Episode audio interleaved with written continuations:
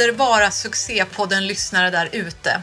Ja, du som verkligen längtar efter nya succéer, du vet ju att det ofta behövs få till just en förändring. Jag älskar förändring och inte minst människor som berör och som förändrar samhället till det bättre. Den här veckan träffar jag en ung, driven och framgångsrik kvinna som verkligen lyckats med att sätta agendan i vårt land. Redan som tonåring så blev Clara Henry Nordens största youtuber, ja, om vi inte räknar med Pewdiepie. Och när hon för tre år sedan gav ut boken Ja, jag har mens, hur så? Så bildades den längsta bokkön någonsin på Bokmässan i Göteborg.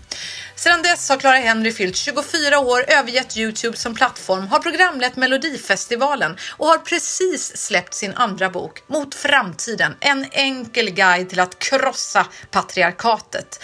Varför är det viktigt att krossa patriarkatet? Vilka är Clara Henrys hemliga knep när hon går på smällar i livet och behöver få till en förändring?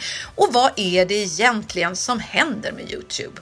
På med säkerhetsbältet, nu åker vi! Här är succépodden!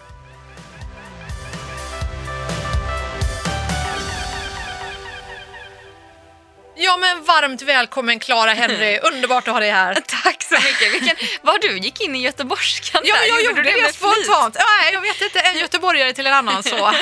Båda i exil i Stockholm. Jajamän. Ja, trivs du bra här i Stockholm eller? Nja, alltså det är upp och ner. Jag trivs bra i bemärkelsen att jag har alla mina vänner här. Jag har nästan inga vänner kvar i Göteborg. Eh, men däremot så tycker jag inte riktigt om den här stan. För att jag, jag känner mig som en ganska obrydd person emellanåt. Men hela vår eh, vad heter det, bransch, den går lite ut på att vara väldigt brydd.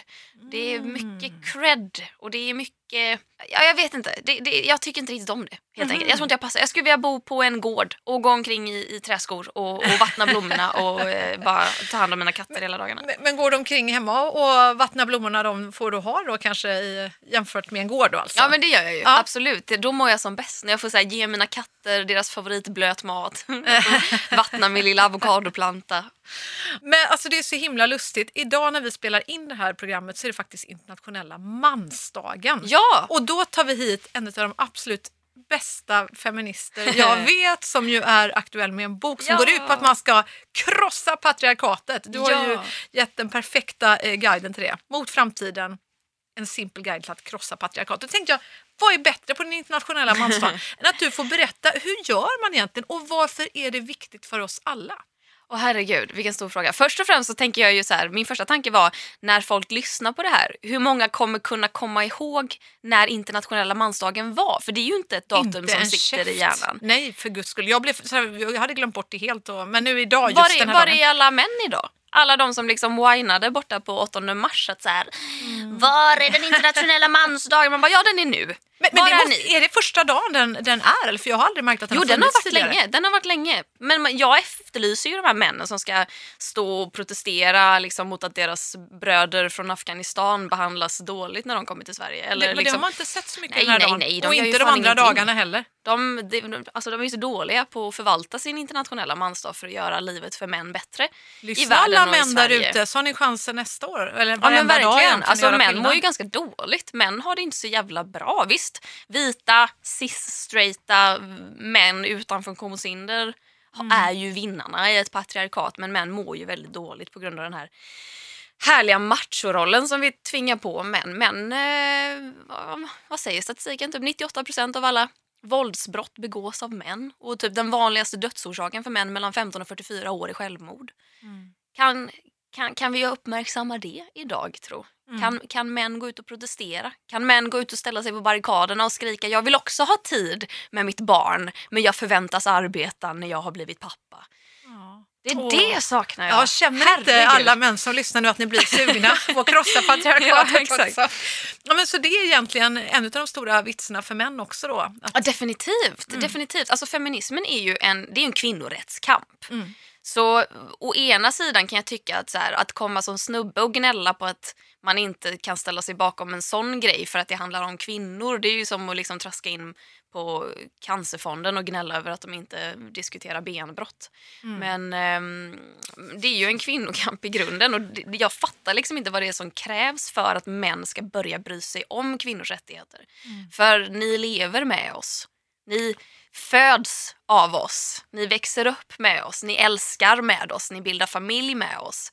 Men det är någonting som gör att ni inte riktigt blir så förbannade över när vi blir våldtagna eller diskriminerade eller hånade eller förminskade. Det... Vad tror du det beror på då? Nej, men jag, jag vet inte. Jo, många grejer. Men, men, är det inte klassiskt lite för många grejer? Eh, grej egentligen då? Alltså att, att jag menar, ger man ifrån sig... För det handlar väl om att kvinnor och män inte riktigt är lika mycket värda egentligen, eller? Ja, verkligen. Eller det finns en syn på män och kvinnor om att vi inte är, Ja, synen är riktigt, såklart. precis, betyder lika mycket och att vi har olika syfte i livet och att Mm. det på något sätt kan förklaras av biologin, eh, vilket jag inte håller med om. Mm. Såklart. Det, vi är ju biologiskt olika. Det är bara att titta på en man och en kvinna. Vi ser ju olika ut. Mm. Och vi har olika kromosomuppsättning. Men den biologin kan ju inte försvara våld till exempel. Lika lite som den kan försvara löneskillnader. Absolut. Men du, hur, hur ska vi komma framåt fortare då? För vi tar ju små, små mikrosteg varenda år. Ja. Lite, lite Ja. mer jämställd och lite liten kvinna till kanske som dyker upp eller en stor förhoppningsvis, men alltså i någon styrelse. Så här, men det går, alltså, när är det man säger att Sverige ska vara jämställt nu om vi fortsätter i den här takten? Du, jag vet inte. Nej, men det det en typ, siffra? ja, det finns en siffra som jag inte har i huvudet nej, nu, men den är veta den? fruktansvärt långt bort. Så man, det, det kan vi liksom inte acceptera, tänker jag. För allas vår skull. Nej, exakt. Men, men hur, vad är dina, du som verkligen har borrat in dig och ner dig i det här ämnet nu och har den här grymma guiden. Ja. Vad, vad är de enklaste tipsen som du skulle vilja ge alla där ute? Hur kan jag, det är alltid enklast tänker jag, att börja med sig själv. Mm. Vad kan jag göra för att vi ska komma snabbare fram till en jämställd värld? Och det är så svårt. Och, det är, och jag känner mig också lite så här, hela den här boken som jag har skrivit, Mm. den handlar ju om att göra ett väldigt stort problem väldigt enkelt att förstå. Mm. Det är en väldigt lätt analys. Det är liksom grundkurs A i Mm. feminism genom tiderna och, och idag. Och jag ger ju väldigt personliga lösningar och tips och tricks på ett väldigt eh, strukturellt problem som inte kan lösas riktigt av individuella val utan det, det kräver ju att politiker och makthavare gör skillnad. Vi Mm. behöver lagar, vi behöver folk som bestämmer åt oss för att vi, är- vi är väldigt bra på att skylla att vi, så här, ja, men vi har ju individuella val, vi är jämlika men kvinnor gör vissa val och män gör andra val. Men sen tror inte jag på ett fritt val i ett patriarkat. Alltså vi har de här förväntningarna på vilka val vi ska göra. Och eh, då, då spelar det ju ingen roll. Liksom. Men jag tror mina små personliga lösningar handlar väl om att eh, läsa på. Alltså, och det är, så, det är så jäkla luddigt. Men jag, just nu, jag kan ge ett, eh, ett Mm. lästips. Just nu läser jag Nina Åkestams bok Feministfällan som också kom ut jättenyligen. Herregud, jag läste den innan jag kom hit. Ja. Och jag satt och liksom bara, åh nej, jag måste läsa vidare. Jag vill inte lägga ner den här boken. Vad, vad, var det, vad var det som var det bästa du läste idag som verkligen fastnade i dig? Ah, vad var det bästa jag läste idag? Eh, nej men jag ty- hon, just det här med individuella val tyckte jag hon bröt ner väldigt, väldigt fint. Att, så här, vad är det som gör att vi inte kan säga att vi gör de här individuella valen? Vad är det som gör att till exempel kvinnor oavsett vad de har för liksom, anställningsform eller om de är egenföretagare eller hur mycket de tjänar eller hur lite de tjänar eller om de pluggar. Att kvinnor väldigt, väldigt, väldigt ofta väljer att stanna hemma med barnen och att det alltid kan förklaras eller motiveras och att männen, om det nu är i tvåkönade Mm. förhållanden, nästan aldrig gör det lika mycket som kvinnor. Hon är så jäkla bra, hon är så smart för det första. Mm. Hon kan verkligen sätta ord på så mycket känslor eh, och så mycket tankar som jag aldrig har kunnat sätta ord på. Samtidigt som hon är väldigt koncis. Alltså hon kommer till saken. Det är ingen jävla babbel här utan hon vet vad hon vill säga och hon säger det. Och jag älskar det. Jag, jag, fick liksom, jag ville nästan gråta för att hon bara... Åh herregud, ja, nu får vi alla gå hem och läsa den här Ja, boken känner jag. Herregud. Feministfällan. Men har du alltså, inte ett konkret tips? Ingenting, alltså mer än att läsa på. Vi ska alla läsa den här boken, eller båda era böcker förstås. Men vad, vad mer då? Finns det liksom ingenting konkret man Det kan... finns liksom- jättemycket konkret. Ja, Men, men- Det, är, så här, det beror på sammanhang såklart. Alltså, man kan, man kan... Ja, men på jobbet alltså, då? På jobbet. Ja, vad har hänt på jobbet? Ja, det händer massa saker hela tiden. Det är alltid från eh, mötessituationer till eh, löneförhandlingar till karriärval till massa saker som händer. Ja. Har du något tips, någonting som du tycker att du själv kanske någon fälla du har gått i någon gång eller kompisar Ja, men den här, det här klassiska tipset då att så här, våga prata, alltså våga säga någonting om man märker att någonting är fel. Mm. Det är jag värdelös på till exempel. Och varje gång jag hör någonting som jag känner, ah, det där behöver jag inte ens tveka på om det var typ förminskande eller lite sexistiskt mot mig. Utan det vet jag att det var. Men säg inte du ifrån, Nej, jag, menar du? nej, jag hinner inte. Det, går, det, det, jag, det bränner i hjärnan. Varenda nervtråd smäller av. Och jag vet, så här, röda lampan den bara... Wii, wii, jag fattar inte vad som händer. Men, men, men nu borde du ju vara så förberedd tänker jag. Du är ju Nej. påläst på det här ämnet. Så att nu när, alltså första, de första gångerna då, när rödlamporna går igång. Nej, men jag bara fnissar mitt... Gör inte, gör, gör inte det här stelt fniss som låter så här. Okay. Så Så, så, om ni träffar Klara och hon gör det fnittret, Ja. då vet ni att ni är på jäkligt tunn is. grabbar. Ja, men jag, tyck, jag tycker ju verkligen att så här, men då ska man ju faktiskt våga och kanske öva lite på att säga ifrån. Typ så här, jag var med i ett tv-program, en sån, en av alla morgonsoffor för Mm. inte så länge sedan. Eh, det var jag och två män. Eh, vi var tre vuxna människor som alla hade skjorta på oss. Och eh, ljudteknikern kommer med två stycken myggor, en i varje hand, ger dem till de två männen som står liksom närmare honom än vad jag gör. Eh, och säger, ja, dra sladden under skjortan och sätt fast myggan och sen så hakar ni fast sändaren i, i byxlinningen. Sen går han och hämtar den tredje, ger den till mig och säger, så kan vi dra lilla sladden under lilla blusen, blir det bra? Och eh, där står jag och känner att jag känner mig Där gick alla superliten. rödlamporna på va? ja jag känner Ja. mig superliten, superinkompetent, superdum. Jag känner mig som en liten flicka. Och jag känner nej, jag är här i egenskap av expert på det här ämnet som vi tre ska prata om. Och du, du, visst, du, Ah, du, jag du jag tilltalar mig som en liten det tjej för att du vill vara lite rolig kanske. Men jag tycker inte att det är kul för att jag har blivit tilltalad som en eh, okunnig liten, ett litet barn liksom så många gånger och jag är så trött på det. För var är det roliga i det? Jag vill bara säga tilltala mig inte som ett barn men då har man skapat dålig stämning omedelbart. Mm. Och den orkar man inte riktigt med. Så jag önskar att jag hade sagt någonting. Så det är väl ett tips. Herregud, Ja, säg ifrån. Så fort någonting känns skevt. För jag tror att man är rädd också för att skapa den här dåliga stämningen. Men man kan ju säga lite så här. ja du, där tilltalade du mig som ett barn, vilket jag inte är. Det var väl lite konstigt. Och så kan man skratta åt det förhoppningsvis. Ja, och precis. så kanske man gör den andra personen lite obekväm på samma sätt som man själv är högst obekväm. Ja, vi, får, vi får gå kurs hos Elaine Eksvärd allihop och lära oss sådär, så vi har såna bra Ja. comeback-lines hon som är retorikexpert. Så vi bara har det i, i liksom inmatat och klart nästa gång det där händer. För det där tror jag vi alla är med om. Ja. Eh, jag med givetvis. Ja. Eh, det, Det där är ju en lindrigare grej av alla grejer man kan Det är en med om. lindrigare grej. Jag har varit med om också såna här gånger när man... Eh, eh, men, alltså det är ju helt sjukt. Alltså ledningsgrupper och sådär när, när man... Eh, olika konstellationer, olika eh, ställen och allt man har varit med om. Och, och, och så tänker man, men nu ska vi, just det, nu är vi tillsatta i den här gruppen och så ska vi lösa det här problemet. Och sen ser man, så går man förbi ett rum och så ser man, ja, men där sitter ju alla i den där gruppen som jag skulle vara med i, utom jag. Och alla de andra råkar vara män. Ja. Och man bara, eh, och så sticker man ner huvudet och säger, har jag, missat? Eh, skulle vi ha möte nu? Ja, just det. Ja, nej men kom in. Och där känner man bara, eh, vänta nu, Så har vad var det som hände nu? dig. Ja, det där, det där. Alltså, Inom citationstecken. Ja, lite sådär. Och, tyvärr ibland tycker jag att jag märker att det kan bli lite sådär när det är eh, ja, män i, i grupp. Och Mm. om, om man är väldigt, om man bara är helt själv, alltså om man Ja. är den enda kvinnan. Tyvärr.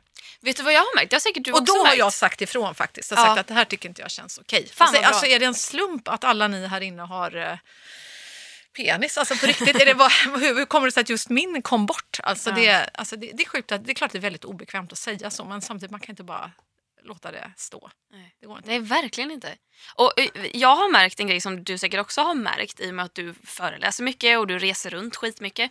Någonting som jag verkligen har tänkt på. Och jag tänkte på det kanske ännu mer eh, när jag såg dokumentären om Avicii Mm. på SVT. Mm, och den var ju Att- väldigt bra tycker jag faktiskt. Väldigt bra Mm. och eh, väldigt ångestladdad. Att man kände bara redan innan han hade gått bort att man bara men herregud kan någon hjälpa honom? Exakt, det var det man bara kände, men hallå så här kan det inte få vara. Ja, men vad Och, och det jag har tänkt på då är hur många gånger, i och med att jag också reser runt jättemycket, Mm. och om, om man kommer till ett ställe och ska föreläsa och de som arrangerar är kvinnor i majoritet, då är det en sån enorm skillnad i hur man bemöts om det är kvinnor eller män, eller Mm. vilka som är i majoritet. Att är det män, då är det väldigt mycket Jaha, vad behöver du? Okej, vi fixar. I så behöver du vatten eller någonting? Okej, vi fixar. Eh, gött, här är ett telefonnummer, hör av dig om det är någonting. Vilket är så här, ja, Mm. proffsigt, nice. Mm. Men kvinnor, kvinnor är, hur mår du? Har du haft en bra resa? Mm. Är det någonting vi kan göra? Vad behövs i logen? Se till om det är någonting mer. Eh, du ser lite trött ut. Eller har du, behöver du en Ipren? Alltså det, de är omhändertagande. Ja. Och den här liksom inte inbyggda men upplärda kvinnligheten, det här omhändertagandet.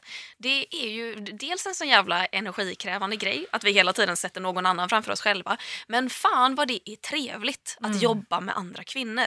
Och där kunde jag tänka mig när jag satt och såg Aviciis dokumentär att fan hade... Han har haft en kvinna bredvid sig som Ja. manager eller Ja, ja, ja. eller någonting. Ja, Och först och främst blev jag förbannad över att så här, hur fan kan han bara jobba med män?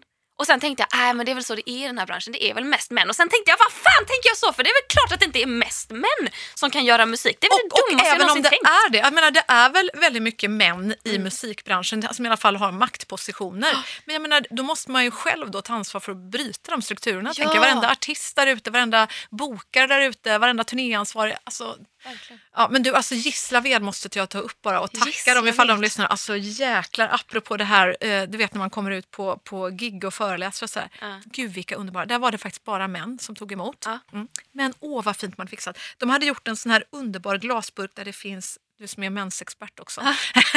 Tamponger, Ja! bindor, eh, huvudvärkstabletter. Alltså det var allt fanns i den där. Jag, bara, jag sa det till hans snubbe som har fixat, shit vilken fin loge ni hade så här, med allt man kan tänkas behöva och allt Ja. man har glömt och tandkräm och hårspray. Men också just alltså, alla mensskydd. Jag blev faktiskt eh, himla glad. Så det finns ju män där ute som är himla gulliga också förstås. Självklart. Givetvis. Självklart. Ja, det fattar ju alla. det, det är ju väldigt roligt tycker jag hur lycklig man blir när man hittar mensskydd Ja. på toaletter som inte är ens egen toalett. Hur, hur ovanligt är inte det? Ja, men Jag- väldigt Jag har en ovanligt. bästis som har sådär mensskydd som hänger liksom över hela hennes eh, toalett så att alla gäster ska Ja. känna sig sådär välkomna också. Att, att liksom ta, det är liksom fritt, det är som toalettpapper. Ja. Det, och det tyckte jag var jäkligt inspirerande. Kände jag, det borde jag också kanske ha upphängt Ja, ännu tydligare. faktiskt. Jag har, en liten, jag har en väldigt liten toalett. Eh, jag har en väldigt liten lägenhet överlag. Men jag, har, jag har ett fullproppat badrumsskåp och så har jag mina tamponger i en eh, makeup store-kasse som står på golvet. Ja. Och då har jag liksom tänkt att, så här, för den är väldigt synlig, man ser omedelbart vad det är Ja, som står på ja, golvet. Och då tänker jag att så här, förhoppningsvis om mina kompisar har glömt mensskydd någon gång så är de inte rädda för att ta, för att det står där väldigt men, men inbjudande. Precis, du gör så ja. Ja men så ska jag också ligger till göra. och med tygbindor där i, men jag Oj. hoppas inte att de tar dem för att de Ja. är fina. Alltså apropå mens, alltså jag kommer ihåg eh, när du kom ut med din första bok, Ja, jag har mens för så. Alltså shit vad du bara ägde ut alla män på bokmässan den året. Det var så jäkla coolt. Jag kommer ihåg Fredrik Reinfeldt hade gett ut en ny bok och GW Persson och hela, hela, liksom, eh, hela, hela det där gardet hade ju gett ut nya böcker. Och, och så var det deras köer som ju var jättefina, de var liksom typ, men sen så kom Clara Hemmings kö. Alltså det var så roligt för jag var där eh, något, någon dag innan och det enda jag gjorde typ i två dagar det var att svara på en massa frågor från underbara, ofta unga människor, också unga killar ska du veta. Tonårskillar som kom fram och bara, du vet du när Clara Henry kommer? Jag bara, och till slut lärde jag mig att ja det var på eh, lördag klockan ett eller vad det nu var. Ja, liksom. Och gud vad häftigt det var. Alltså kön Ja. runt in mot, det gick ju typ flera kvarter. Jag vet att förlaget fick ju springa omkring och eh, ragga vatten och godis och så för att inte folk skulle svimma i den där kön. Nej, det var, jag tror att jag signerade i typ åtta timmar sammanlagt. det var det, var det sjukaste jag varit med om. Och det var så roligt för det var så många unga människor också. Jag tänkte att förhoppningsvis var det många unga som, det kändes som att det var nog var första gången de var på bokmässan och Ja. jag bara kände wow vad du måste ha introducerat många människor till bokläsande tror jag nästan överhuvudtaget i Ja. år. Det var så jävla coolt. Jag, vågar, jag vågar inte ta på mig den äran. Men, men men däremot, kanske- men det jag- var jag passar en av mina, ja, tack. Ja. Det var en av mina coolaste upplevelser någonsin tror jag. Det var faktiskt riktigt... eh, Berätta om känslan när du insåg och när du såg det där. Alltså för det, jag tyckte det var så otroligt häftigt. Ja. Jag, jag tror inte jag fattade det riktigt där och då. Jag tror att det var så mycket som hände och jag hade liksom tre stycken fullproppade dagar och jag minns att de fick ställa in vissa grejer för att de bara, det är lika bra att du bara står här och signerar. Säg till om du inte orkar mer. Och så kör vi. Och så köttade vi. Och så var båda mina föräldrar där, eh, för de är liksom mina så här, självutnämnda livvakter. De går inte även om jag ber dem att gå. Eh, Gullisar. Pappa gick liksom bredvid den här långa, långa kön och försökte så här filma med sin mobiltelefon. Och minnet i mobilen tog slut innan han kom till slutet. Och så Wow. kom liksom bokmässans grundare fram till min mamma och bara sa liksom, "Eh, jobbar du här på Forum som är mitt förlag? Och mamma sa, nej jag är förälder. Och han bara, till vem då? Och hon bara, till den där. och så sa han att det här är den längsta kön jag någonsin sett under mina 30 år här på Bokmässan. Det här är den längsta kön genom historien. Wow. Och så står liksom Fredrik Reinfeldt vet! 10 meter Han bort såg ut med som liksom en liten en, lillfinger Ja, men i jämförelse liksom. en stabil kö på 20 tanter. Ja. Det var, det Ja, det fan- var, ja, det var coolt. Jätte- jag tycker det var väldigt inspirerande. Och där kände jag att men här någonstans här håller det på att hända grejer ändå. Ja, Ja, och jag kände samma sak. Jag kände nog mer... För att i efterhand kan jag tänka så här, fy fan vad coolt det var. Fy fan vilken mäktig grej att jag hade en så jävla lång kö. Men där och då tror jag att det enda jag tänkte var, haha, där fick ni alla som sa att man inte kan skriva en bok om mens. Det var ett litet fuck you-finger till alla som bara, ja visst du har en stor publik men den, din bok handlar om vaginalt blod. Jag bara kolla, visst, jag, när jag säger att vi måste snacka mer om mens, då är det inte bara någonting jag har hittat på. De här, hela den här jävla långa kön vill också lära sig mer om mens. De tycker också att det här är ett skitviktigt ämne. De vill kunna prata öppet om sina kroppar och sina biologiska funktioner utan att det klassas som någonting äckligt eller som någonting bara, som kan klassas som diarré. Eller, det, det, det, är verkligen det är den här biologiska funktionen som de aldrig har lärt sig någonting om. Som de kommer uppleva varje månad under en väldigt stor del av sina liv. Så tack och fuck you!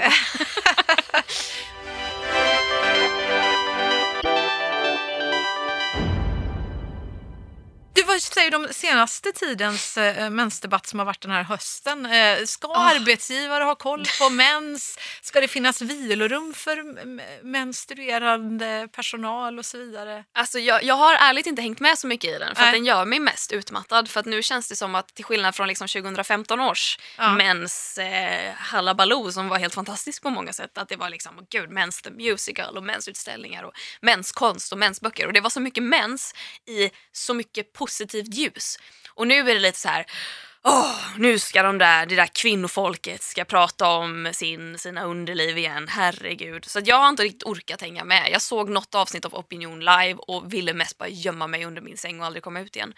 Jag, Så jag att, såg eh, det också faktiskt.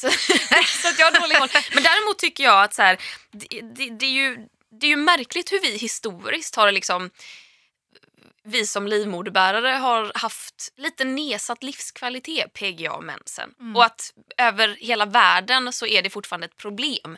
Det liksom hindrar att vi kommer till en jämlikhet. Det hindrar kvinnor från att gå i skolan eller eh, ha ett drägligt jobb för att på vissa arbetsplatser och skolor finns det inte ens toaletter. Så man kan inte. Det är ett jättehinder. Och då tycker man ju att så här, vi måste ju prata om mensen men inte ens FN i de globala målen. Alltså det finns 17 mål, det finns 169 delmål som allt, alltså det handlar om liksom allt ifrån fred på jorden till, eh, jag vet inte, god personlig väl, välmående. Men det finns inte ett ord om mens i det här. Man snackar om liksom sanitet, vatten, hygien. Men man kan inte, det, man, de kopplar liksom inte det till att det är livsviktigt för menstruerande människor. Så jag kan tycka, kan inte vi då på arbetsplatser börja göra livet för menstruerande lite lättare? Kan man inte ha de här liksom, tampongerna inne på toaletterna? Det är ju det världens så enklaste liten grej. På samma sätt som att det finns papper eller För, för bananer menar, i allvarligt köket. talat, man vet ju aldrig, i alla fall inte jag. Vissa människor, du kanske är bättre på att hålla ordning exakt när din mens kommer, men jag är en sån där som bara, aha, just det, det var Ja. nu. Jag lär mig aldrig. Så Men jag, jag, tycker vet det är helt inte. tokigt. Alltså, varför kan man inte köpa mensskydd på typ biografer? Jag var inne på, jag skulle gå på Demi Lovato när hon spelade i Globen. Gick in på Globen, fick mens. Ja, men det, det är ju sånt typiskt som händer jämt. Ja. Och då finns det inte, det finns inte någonstans på hela Globen där man kan köpa mensskydd. Inte i kiosken, Mm. inte på någon restaurang, det finns inte inne på toaletterna. Jag började fråga folk och typ av en slump så hade ingen annan mens förutom jag. så jag går fram till en vakt, en manlig sådan Mm. ska sägas, för det var den första jag hittade. Och jag sa, kan jag köpa mensskydd någonstans här? Och han bara, eh, nej. Och jag bara, okej, då kommer jag behöva gå ut. Och han bara, går du ut kommer du inte in igen. Och jag bara, nej. Så vad ska jag göra då? Och eh, jag blev så lack att jag gick till en kvinna. Jag letade upp en kvinnlig vakt och bara sa samma sak och hon bara, hjärtat, stick ut här och sen kommer du tillbaka till mig så släpper jag in dig igen. Mm är, jag tycker att det är... Det finns är, lite kvar att göra där att- kan vi säga. Ja, och det, det är ju sån liten, liten grej i hela jämställdhetsdebatten. Men jag kan tycka att så här, inte nog med att kvinnor liksom bestraffas för att vi bär barn och föder barn. Vi liksom för, förpassas till ett hem och vi har lägre lön och vi har liksom, man ska ut från BB efter fyra timmar och man får de här Om skadorna. man ens får komma in på Ja, BH till att börja med. Eller BB. Ja. Och, och så till råga på allt så ska vi låtsas om att vi inte blöder mellan benen. Åh, Ja. det gör mig så trött. Ja, verkligen. Men alltså, Klara, jag, jag tänkte att vi måste ju prata om, om dina skills som social media. Jag tror du är, vad är det, Nordens största kvinnliga Nej, youtuber? vet du vad? där, Jag har eller? varit det. Ja, men du har varit Inte det. längre, Ja, men ja. du är ändå historiskt. Vet ja. du vad, jag var till och med Nordens största vloggare. Eh, Med undantag av Pewdiepie, fast han räknas inte riktigt som vloggare. Han är Nej. väl, han, jag vet inte vad han är nu, han var mer gamer när det begav sig. Men eh, det var kul för att många envisades med att säga Nordens största kvinnliga och jag var bara nej, skit i könet, jag är Nordens största vloggare, punkt slut. Ja, men jag trodde att det var kvinnliga för att du liksom hade... Men det, det, det, det är Pewdiepie som vi inte räknar. Vi kan ju säga Nordens största kvinnliga youtuber. Var jag, vill jag också bara säga. Det här var typ 2014, jag är det inte längre. Mm. Men, eh, men vloggare var jag störst. Men du, hur gjorde du då? Vad var liksom det... Vad tror du var det avgörande tricket så att säga? Jag tror, jag tror det var många saker. Dels tror jag att eh, jag var lite på rätt plats vid rätt tillfälle. Och började göra Youtube när eh, det var liksom, det var någonting som låg och bubblade. Men folk visste inte riktigt vad det var för plattform. Liksom, man, man fattade inte att man kunde följa folk. Man såg de här roliga klippen på bebisar som skrattade och djur som trillade omkull. Och så skrattade man och så skickade man länken till sina kompisar och sen så gick man vidare med sina liv. Men det var typ jag, William Spets, I just want to be cool och Keyyo som började göra videos eh, regelbundet. Och jag tror också utöver det att det var någonting befriande med att vi alla som gjorde Youtube, vi eh, satsade väldigt mycket på humor. Mm. För att samtidigt ska man komma ihåg att bloggvärlden dominerades av modebloggar. Mm. Det var extremt vackra, normativt supersnygga kvinnor som visade upp sina dyra kläder och dyra väskor och eh, hur, hur fint de hade sminkat sig så att det såg ut som att de inte hade sminkat sig alls. det, var, det var väldigt, och det är inget fel med det vill jag bara säga. Mm. Men det var, det var det som var det absolut trendigaste just då. Och sen kom Youtube som för mig var en sån jävla relief. Att säga herregud, jag är varken snygg eller rik men jag gör det jag kan. Jag försöker vara rolig liksom. Och hur visste du att du var rolig jag på att säga? Nej men jag testade. Jag hade haft en blogg i flera år och eh, test, försökte vara rolig i den och sen så märkte jag att vissa grejer är kul i skrift medan andra grejer verkligen inte är det utan de, man måste säga dem med betoningar och uttal och dialekter och så för att det ska bli kul. Och då testade jag och det, många grejer var skittråkiga. Många grejer var helt värdelösa. Jag kan kolla tillbaka och bara hur har det här fått visningar överhuvudtaget för det är så värdelöst. Men jag tror i och med att jag var en av de första så fick man liksom sätta ribban. Så ribban var jävligt låg i början. Eh, och jag tror att det var som en frizon för många, framförallt tjejer då som bara ah, men gud vad skönt! Jag tycker det är jättekul att följa liksom Kinsa men här har vi någon som bara är en människa som dessutom är lite kul och lite duktig på att prata. Att det var, det var skönt att ha båda de liksom, polerna i sitt liv. Ehm, Ja. Men vad har Ja. hänt med Youtube nu då skulle du vilja säga? Alltså det Ja. känns som att Youtube är lite grann on decline eller håller du med mig? Ja, jag har, ju, jag har ju föreläst mycket om det här och jag har Ja. ju sagt i flera år att så här, Youtube håller på att dö. Men se så fel jag har haft för det är ju uppenbarligen inte dött. Nu Men är det ju mer däremot- Indien som tar över, eller hur? Indien? Ja, ja. Att de tar över Youtube menar du? ja. Så kanske det. T-series håller ju What? på att äh, battla om... Alltså Pewdiepie har ju varit störst på Youtube Mm. i hur många år som helst. Men nu håller T-series som då är en sån här eh, Bollywood-kanal på att eh, gå om Pewdiepie. Va? Ja, det är så många indier. Alltså Indien har ju så här, vad är det, 30 procents internettäckning av befolkningen ungefär. Alltså ungefär så många som har internet. Oj, jag trodde det var fler. Nej, så det är värsta tillväxten expons- exponentiellt fattar. sett så kommer ju liksom Indien bara att ta över hela Youtube nu då spekulerar man i i och med att de är så himla många. Det är ju en av, tredje, världens tredje största ekonomi och så vidare. Så att, ja, de, de, och nu kommer de in på Youtube och nu är det liksom bara indiskt hjärnet så att säga. Vad skönt att ha Ja. liksom, bara lite Bollywood som topp ett och mer, inte en ja, nazist. eh, nu blir det mer Bollywood kan man säga. Nej, vad skönt. Eh, nej, jag tycker väl... ehm, är han nazist menar du? Nej, det var lite att ta i. Det är såna grejer jag kan slänga mig med och sen ångra mig efterhand. Nej, men han har ju väldigt så här, han har ju väldigt lätt för att slänga ur sig grejer och han tänker ju inte efter. Mm. Eh, han, han är ju en sån som borde läsa Nina Åkerstams bok till exempel. Han är Där får du ett boktips. eh, Ja, jag tycker jättemycket om hans mamma. För hon följer mig på Instagram och Åh. kommenterar ganska ofta. Och sen så skriver hon liksom slash Pewdiepies mamma. Ja, vad Det är gulligt. jättefint, hon är jättestolt. ja, vad underbart. Ja, men, Men, men vad säger du nu då? Vad är din analys om eh, Youtube nu? jag, är, jag har nog ingen analys så, jag har mer känslor. Vad är din känsla? Min känsla om i alla fall svenska Youtube är att eh, jag har hamnat i högstadiet igen. Eh, och jag, det kan göra, det, det var, det var På skönt. vilket sorts och- högstadie? Ja, well. Spänn fast dig. Ja, jag gör det. Buckled up. Nej, men jag känner väl att eh, på samma sätt som jag tyckte att när, när modebloggarna var det hetaste och jag kände att det här är ingenting jag kan relatera till, jag känner mig utanför, jag känner mig liten och värdelös. Det tycker jag nu har kommit till Youtube fast det är både de här supersnygga tjejerna som liksom eh, är kalasrika, köper dyra grejer, injicerar botox för stora brösten och hävdar att det liksom, är feminism. Ehm, och, och, på samma gång har vi de som var typ eh, coolast men bröligast i högstadiet. Som liksom, den som skriker högst får mest uppmärksamhet.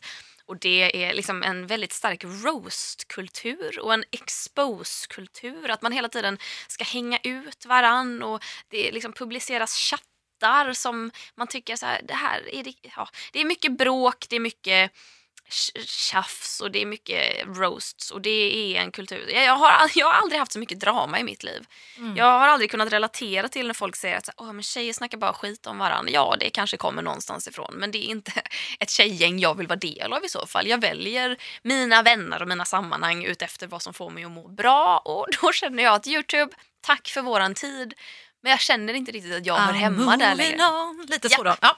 I'm gonna get stronger now. Ja, exakt. Och vad, vad, eh, ja, du är ju eh, melloexpert får man ju säga. Du, du var ju grym förra året tycker jag i Melodifestivalen. Alltså. Tack. Kommer du inte ha lite sådär abstinens nu när du ser på det och liksom inte är på scenen jo. och står där i din fantastiska Alcazar. Oh. Gud vad den var snygg också. I Vet du, jag har den, den hemma. Låten. Ja, först, oh, oh, den kostymen, åh oh, vad underbart. Jag väntar ju bara på något tillfälle när jag ska kunna ha den på mig. Ja, det är väl bara varje kväll eller? Ja. Ja, något härligt disco eller någonting. Ja. Jag tänker när jag fyller år kanske. Så. Ja, den är, den är så otroligt obekväm. Jag tror att det är det som Aha, hindrar mig. Okay, okay, ja. Men du, vi måste bara avsluta innan vi går in på mellospåret här. För det. Men, ja. men vad, vad, vad säger du då om framtiden för sociala medier och dig själv som existens i sociala medier-universet? Vet du vad? Jag tror att det här min obrydda sida kommer in och säger jag har ingen aning.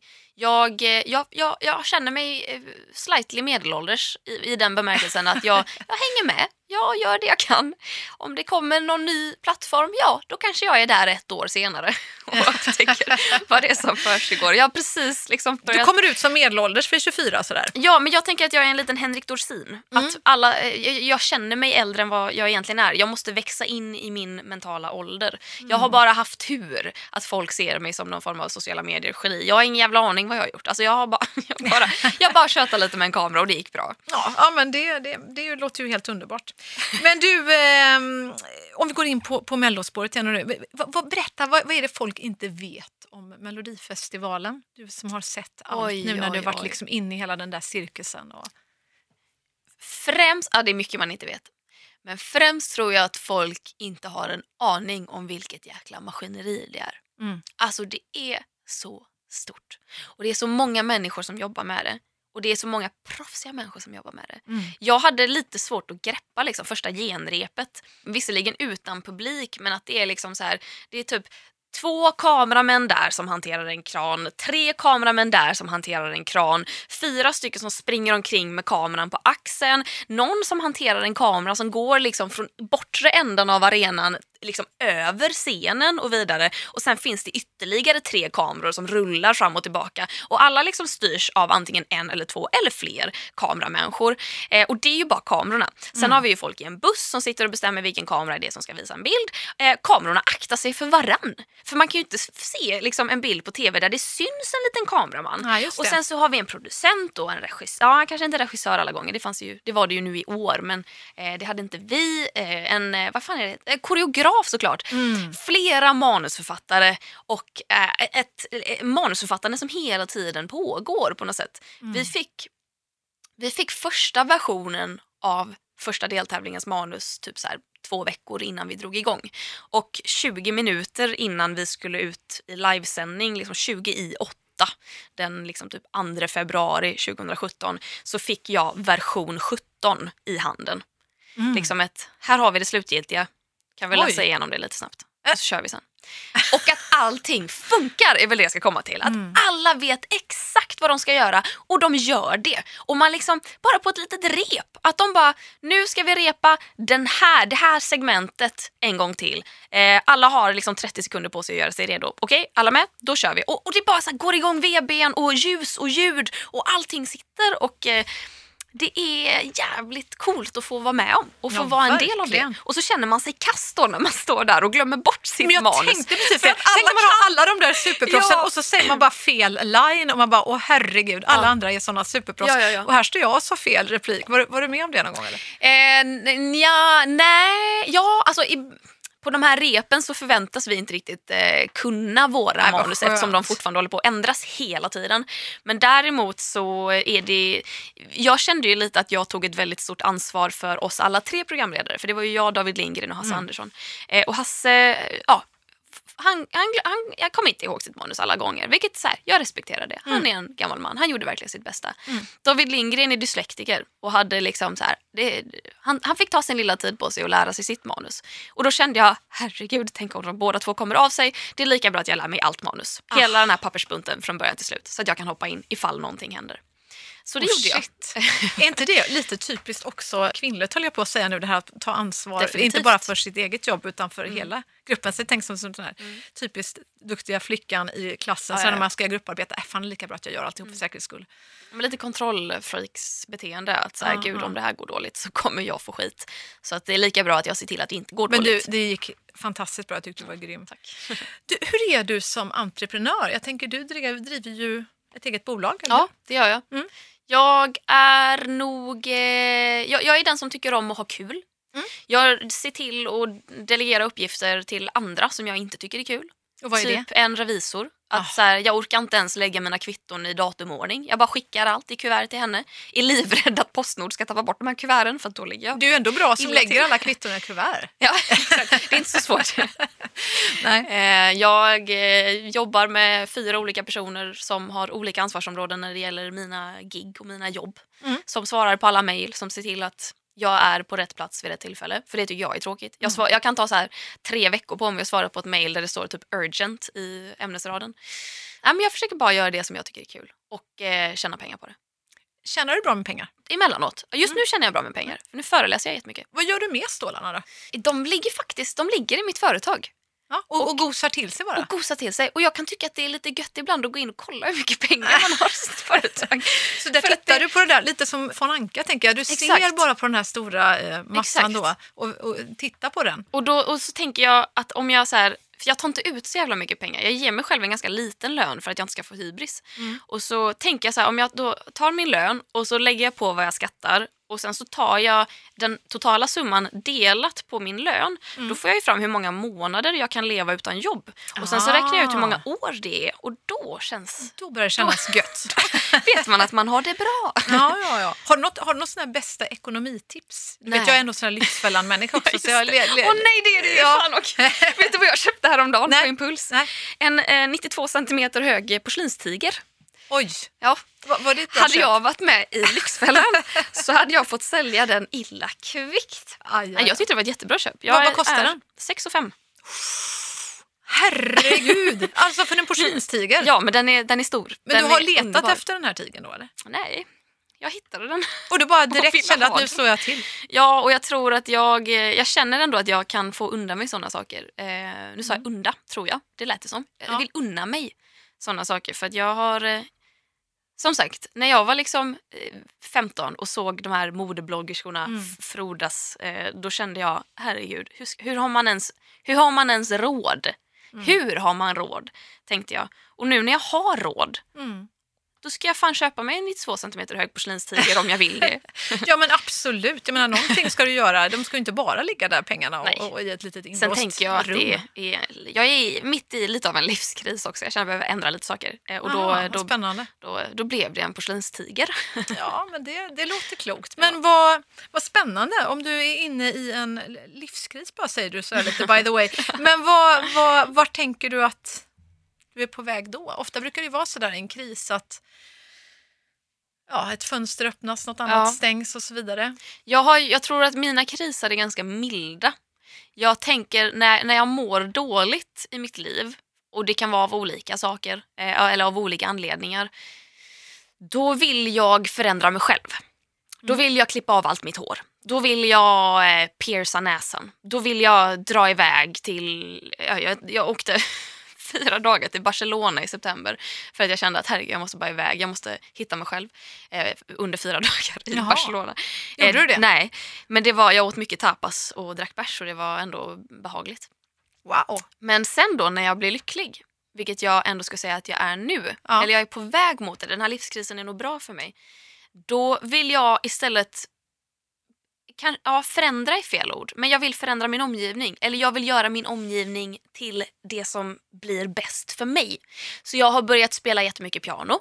Jag går omkring och sjunger hemma för att jag tänker att så här, sång, Ah, det är kul. Det gör jag när jag är som lyckligast. Och så hittar jag en porslinstiger och tänker den hade ju varit helt underbar att ha hemma. Kan inte den inspirera mig i mitt liv? Så då köper jag en sån. Ah. Så då, då är det, och så ja, tackar jag nej till grejer jag inte vill göra och så tackar jag ja till grejer jag vill göra. Och så, ja, det, det är som att lycka frodar lycka hos mig. Mm. Och att ehm, olycklighet gör att jag i min desperation försöker förändra mig själv för att jag tror att det är mitt fel att jag inte mår, mår bra. Och det är det inte.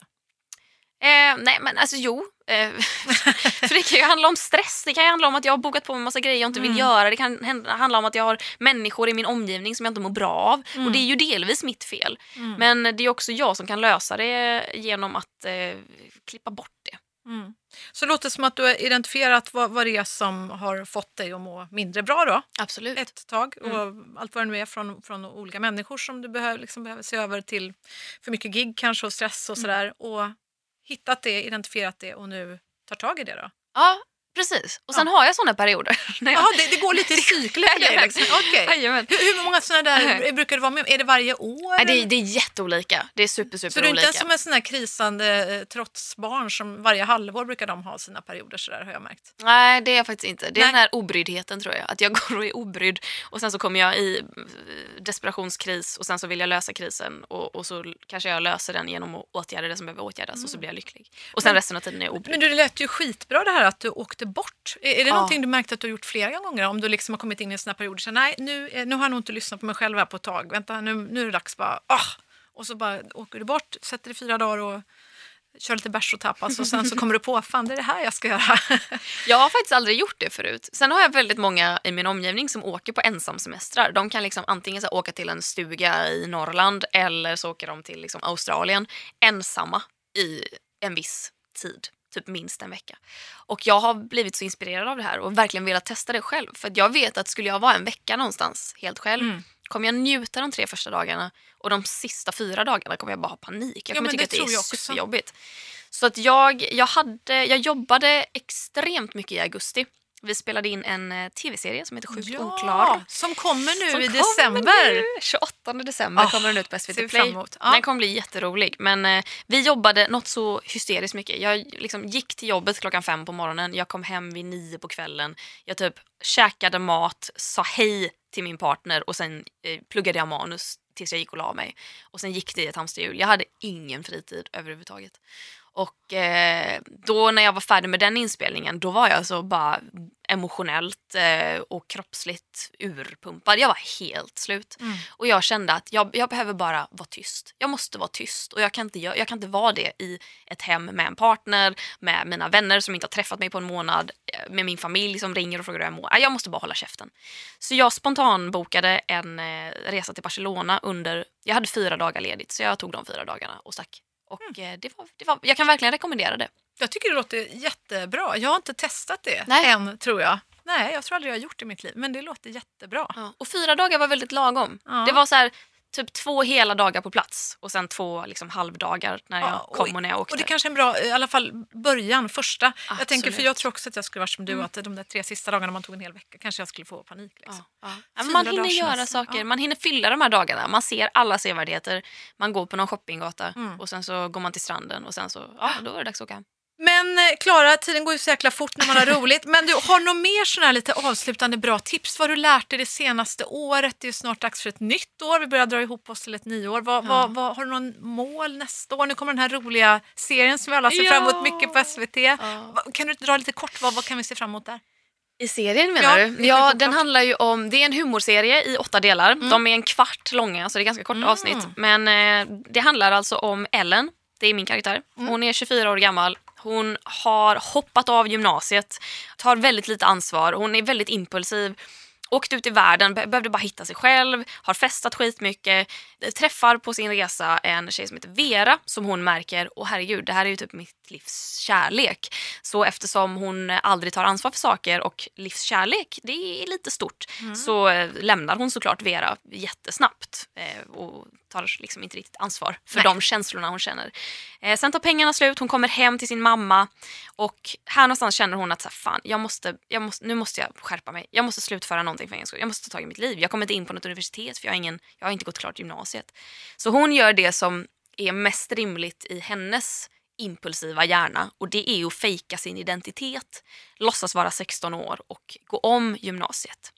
Och här börjar den här serien. Mm. Sen visar det sig även att Vera är lärare på den här skolan hon börjar på.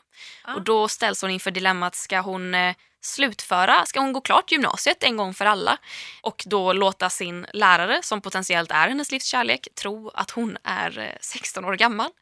Eller ska hon eh, avslöja allting för att kanske kunna få Vera men då också få eh, ganska jobbiga konsekvenser?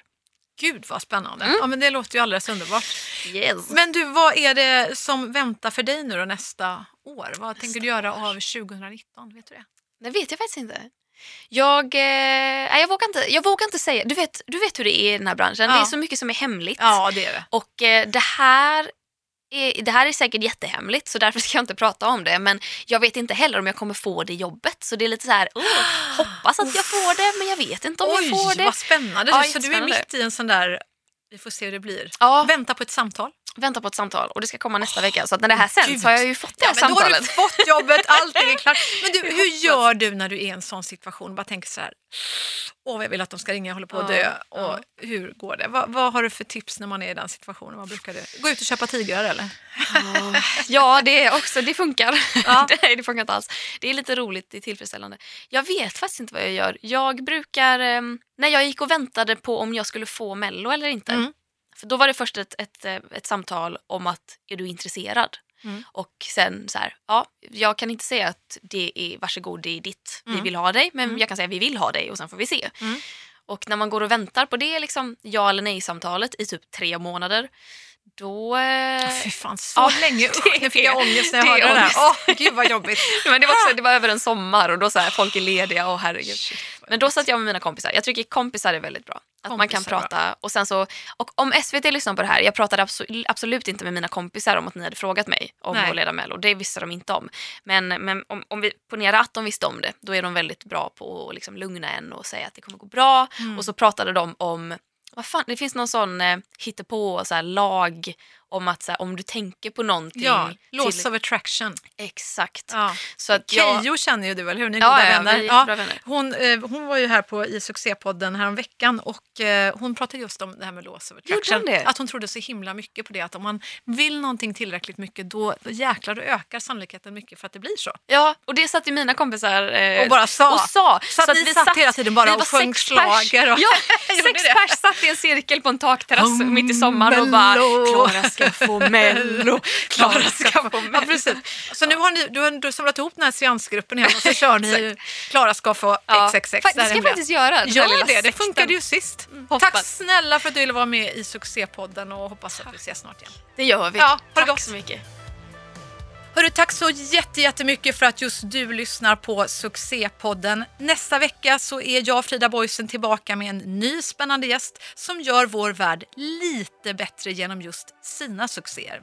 Det är väl underbart med människor som vågar bryta ny mark och som driver förändring och som reser sig igen när man går på en smäll, för det gör vi ju alla. Vem vill du träffa i Succépodden? Tveka inte att höra av dig till succépodden at ilikeradio.se. Jag vill självklart höra vad precis du tycker. Och berätta gärna för dina vänner om succépodden så att de också hittar hit. Tagga förstås gärna hashtag succépodden på Instagram eller dina sociala mediefavoriter så, så ser jag dig när du vill säga någonting till oss. Omfamna utveckling där ute, tro på dig själv, var generös och lyft varandra där ute. Nu kör vi ut och förändra världen.